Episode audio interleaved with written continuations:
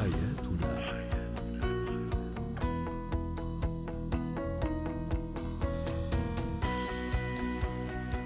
نجدد وتحية لكل مستمعينا ومستمعاتنا. أنتم تستمعون لبرنامج حياتنا برنامجكم اليومي الذي يعنى بشؤون الأسرة وباقي الشؤون الحياتية الأخرى.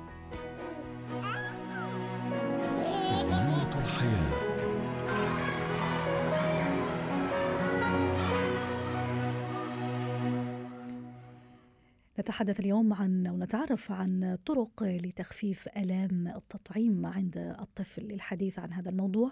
ينضم إلينا عبر الهاتف من الشارقه دكتور علي كوجك استشاري طب الأطفال. يسعد مساك دكتور علي. آه، المعروف انه الطفل بعد ما يأخذ اللقاح أو التطعيم يدخل في يعني مرحلة من الانزعاج أحيانا نوبات بكاء أحيانا عدم ارتياح. آه، ما هي الإجراءات التي يمكن أنا أن أتبعها حتى تسهل عملية الشفاء إذا سمحت لنفسي يعني أطلق هذا العبارة شفاء أو يعني تجاوز هذه المرحلة بسلام على الطفل. أهلين أهلا وسهلا بكم.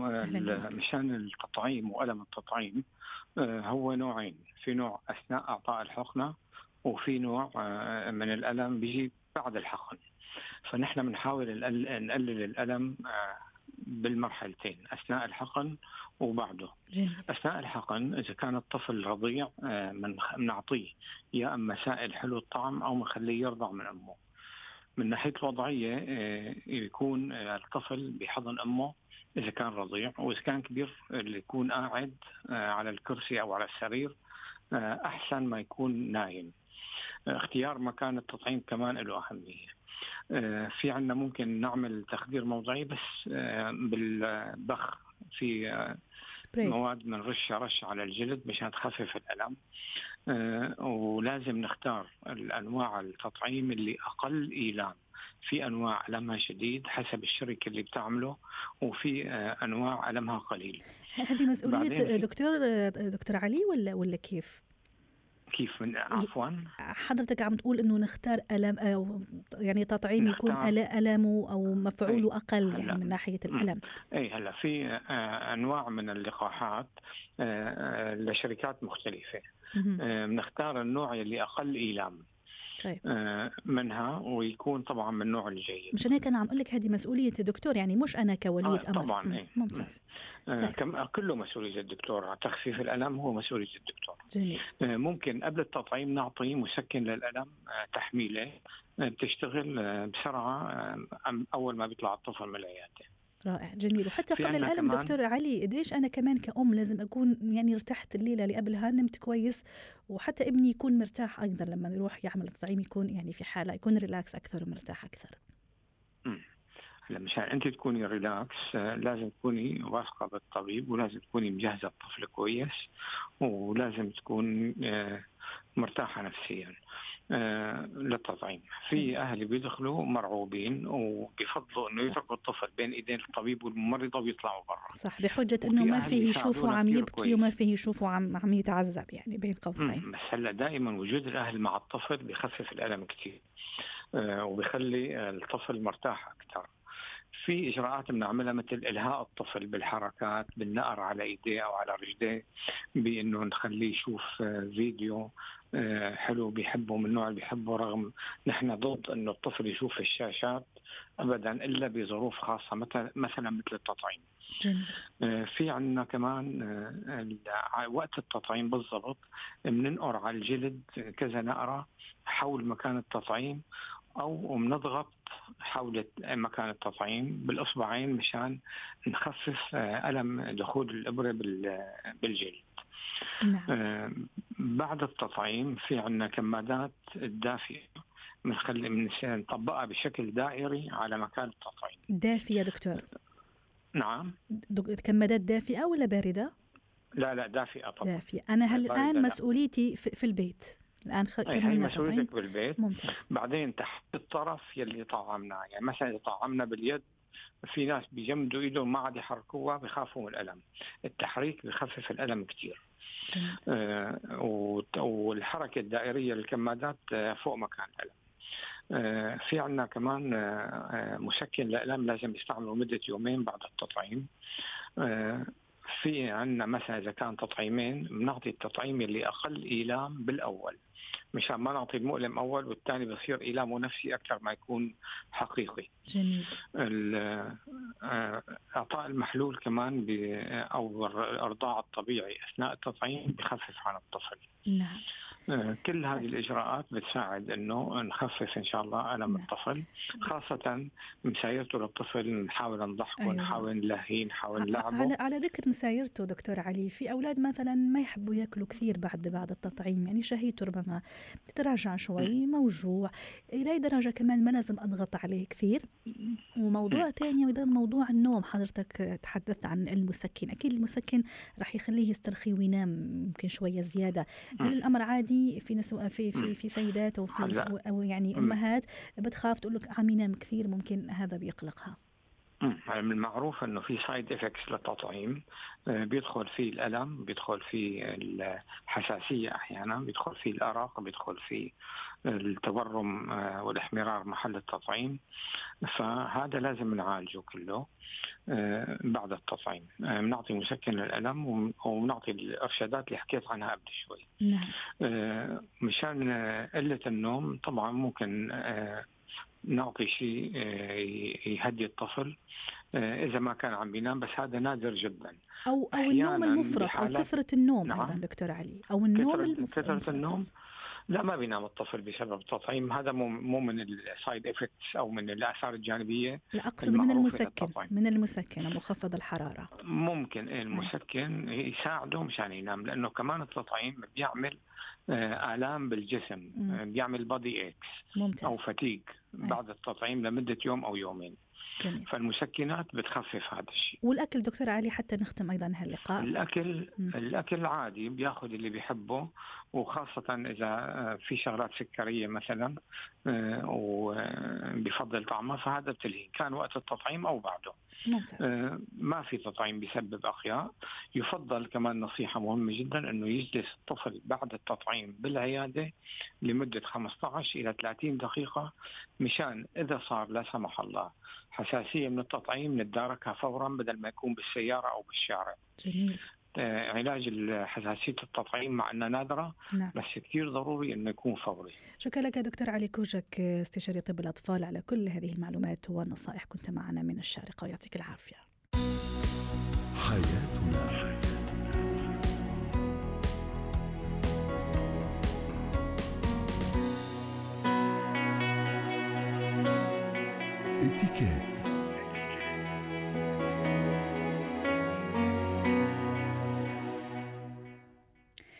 أهلا بكم. نتحدث اليوم عن إتيكيت مقابلة العريس لأول مرة للحديث عن هذا الموضوع. تنضم إلينا عبر الهاتف من القاهرة سلوى عفيفي خبيرة الإتيكيت يسعد مساكي ست سلوى. أهلا بك. أنا قدام شخص تقدم لخطبتي أنا العريس بعد ما صارت الخطوبة بشكل رسمي. ما هي قواعد وأصول مقابلة العريس لأول مرة؟ لأول مرة. آه، طبعا لازم عارفة الانطباع الأول مبني عليه أشياء كثيرة جدا وهذه في علم النفس. نعم. الانطباع الأول يرسخ في الأذهان يعني لو تذكرنا مثلا متى التقيتي مع شخص معين تتذكرين المرة الأولى. وفي بعض الناس للأسف الشديد إنها تحكم المرة الأولى، اذا لابد أن نحرص على ترك انطباعات جيدة جدا صحيح. من أول آه، ثواني أو أول لحظات سواء العريس أو العروس أو الأهل. نعم. هذه نقطة أساسية. آه، طبعا هناك بعض الترتيبات يعني يكون في موعد مسبق ما بين آه، ولي الأمر أو ما بين العريس وولي الأمر للعروس آه، موعد للزيارة. بعض الناس أحيانا ممكن يفضلون أن يلتقوا برا البيت خارج البيت للتعارف ممكن. ممكن البنت تكون على معرفة بهذا الشاب مثلا معها في العمل أو في الجامعة ممكن تعطي يعني فكرة عن الموضوع للأهل. لابد أن يكون البيت مستعد مهيأ يعني أهل البيت يكونوا مستعدين لذلك الأم الأب الأخ, الأخ الكبير مثلا أو الأخوة نعم. البيت مرتب بطريقة آه، لا نبالغ فيها يعني اللي اللي موجود عندنا هو ده اللي إحنا نستخدمه ولكن يعني. بطريقة نظيفة بطريقة منمقة مهذبة كذلك العريس عليه إن هو يأتي في الموعد المحدد آه، يأتي معه أيضا إذا كان مسموح يعني لقاء عائلي نعم. ياتي معه الشخص المسؤول معه والدته والده أخوه الأكبر أو أخته آه، ولكن لا يكون يعني كل الأسرة أو العائله الكبيرة يعني نعم. فقط المقربين جميل لا مانع من اصطحاب مثلا طبق من الشوكولاتة أو صينية من الشوكولاتة من الفضة من الكريستال من الفخار حسب مقدرة كل شخص حتى لو أقل من ذلك قد تكون فخار قد تكون يعني هنا كمان العادات والتقاليد تلعب دور في هذه الأمور ست يعني سلوى ما دام حكينا شوي عن المبالغة أيضا آه، في البيت وفي ترتيبه الكلام نعم. يقودنا أيضا للحديث عن عن اللبس عن طريقة اللبس الثياب نعم. كيف كيف الواحد لازم يكون مبالغ عادي أقل من العادي يعني شو هي الطريقة البساطة أوكي؟ لا لا يكون أقل من عادي بالعكس. آه، يعني هنا أنا لما ألبس وأتشيك آه، هذا يعطي انطباع أيضا ويعطي مؤشر إلى أني مهتمة بهذا اللقاء ومهتمة بترك انطباع جيد ولكن لا نبالغ. يعني الملابس مثلا العروس لا مانع أن تلبس فستان لطيف آه، لون هادي لون جميل لا يكون يعني نبتعد عن الألوان الحمراء مثلا. نعم. اللون الأحمر غير مستحب في اللقاء الأول. آه، العريس كذلك يمكنه أن يلبس إما الملابس الرسمية أو اللباس الوطني لو قلنا ده. آه وممكن كمان انه هو مثلا لو بيلبس عادي مثلا بنطلون أو بدلة ممكن يستعين بالملابس اللي هي نصف نصف رسمية أو شبه رسمية أو سمارت كاجوال الملابس الذكية. ممتاز. حسب برضو يعني حسب الثقافة تبعت الأهل. جميل. طيب خلص جلسنا والأمور كلها طيبة وبلش الكلام وبلش الحديث ست سلوى. إيش هي الأسئلة اللي يمنع أو لا يفضل أني أنا أسألها أو هو يسألها أيضا في في في هذا اللقاء الأول اللي أتعرف فيه على على عريسي؟ حلو. آه طبعا بعد ما يفتحوا الموضوع يعني لازم يكون في ايس بريكر أو يعني موضوعات عامة. نبتعد طبعا عن الموضوعات اللي هي السياسية الأمور هذه. إنما الأسئلة أنا شو أرى إن من حق والد العروس أن يسأل فيما آه، يريد أن يسأل فيه. للاطمئنان على ابنته لأن هذه حياة طويلة المدى. بس ست سلوى إحنا نحكي علي أنا كفتاة يعني كعروس عرفتي كيف؟ اللي آه أسألها لعريسي وهو أيضا. هل عادي إذا سالته مثلا كم راتبك؟ نعم. كم دخلك الشهري في بداية اللقاء. لا طبعا غير مستحب. يعني شوفي في النهاية آه، لابد أن يكون هناك قبول آه، ليس الاسئله المباشره هذه الأمور يمكن أن تطرح ما بين العريس وما بين والد العروس وليس في المجلس العام. العام. يعني ليس في أقصد في وجود الوالدة أو العروس. لا العروس لا تتحدث في هذه الأمور اطلاقا. نعم. ولا هو كمان من حقه إنه يسألها في كم راتبك أو أو كم مصروف طبعا إحنا هذا جبناه بس فقط مثال. أيضا في أسئلة أخرى يحبذ أني أنا لا أطرحها ولا أتعاطى فيها ابدا؟ آه، تقصدي من العروس للعريس؟ أيوه نعم نعم. آه يعني أنا أرى كمان إنه في بعض الأمور الشخصية لا يسأل عنها في البداية يعني إلا لو أنا عندي فكرة عامة طبعا عن قبلت ظروفه آه إنما يعني حسب سياق الموضوع كيف يمشي لكن لا أتدخل في أمور شخصية مثلا آه لأنه ما في عندي يعني كريدت زي ما بيقولوا يعني ماليش عندي عنده ميانة أو لابد أن أتركه. أنا من أنصار إنه خلينا نستمع الأول. يعني نسمع أكثر هو شو عنده يقدم. نعم.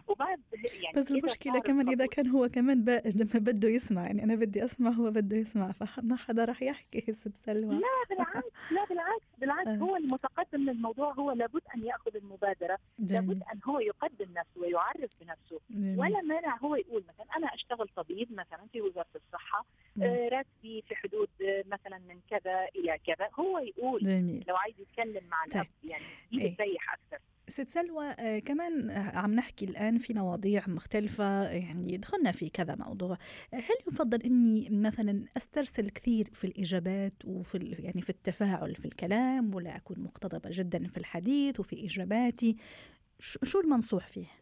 لا لا مقتضب جدا ولا يعني مسترسل. مطول جدا ابدا عشان حتى يعني ما قل ودل مع بعض اللطف الكلام يعني. كمان الردود المقتضبة أحيانا تعطي انطباع كمان إنه يعني واحد ملوش مزاج إنه يتكلم مثلا. نعم. مش حابب طيب. الحوار. آه حتى نختم لأنه قدامنا تقريبا 30 ثانية. بالنسبة مثلا جينا نقدم له شيء مشروبات شاي قهوة. يعني شو ينصح أيضا في في, في يعني في كإتيكيت؟ دائما دائما نقول طبعا ال welcome drink اللي هو م. المشروب للترحيب وكمان العادات والتقاليد بتحكم هذه النقطة بعد ذلك. ممكن نقدم الشاي ونقدم معه آه، أنواع من الحلوى أنواع من المأكولات الخفيفة ما نسميه بال finger print ال finger ال finger food اللي نعم. هو يعني يمكن أن يمسك باليد ممكن أن يمسك بالشوكة فقط مم. أشياء بسيطة خفيفة وليس عشاء في أول مرة إلا لو كانوا حيعملوا قراءة فاتحة مثلا هذا نعم. الموضوع مع تمنيتنا طبعا بزواج سعيد وخطوبة سعيدة لكل المقبلين على الزواج. شكرا لك. سلوى عفيفي خبيرة الإتيكيت. كنت معنا من القاهرة. حياتنا.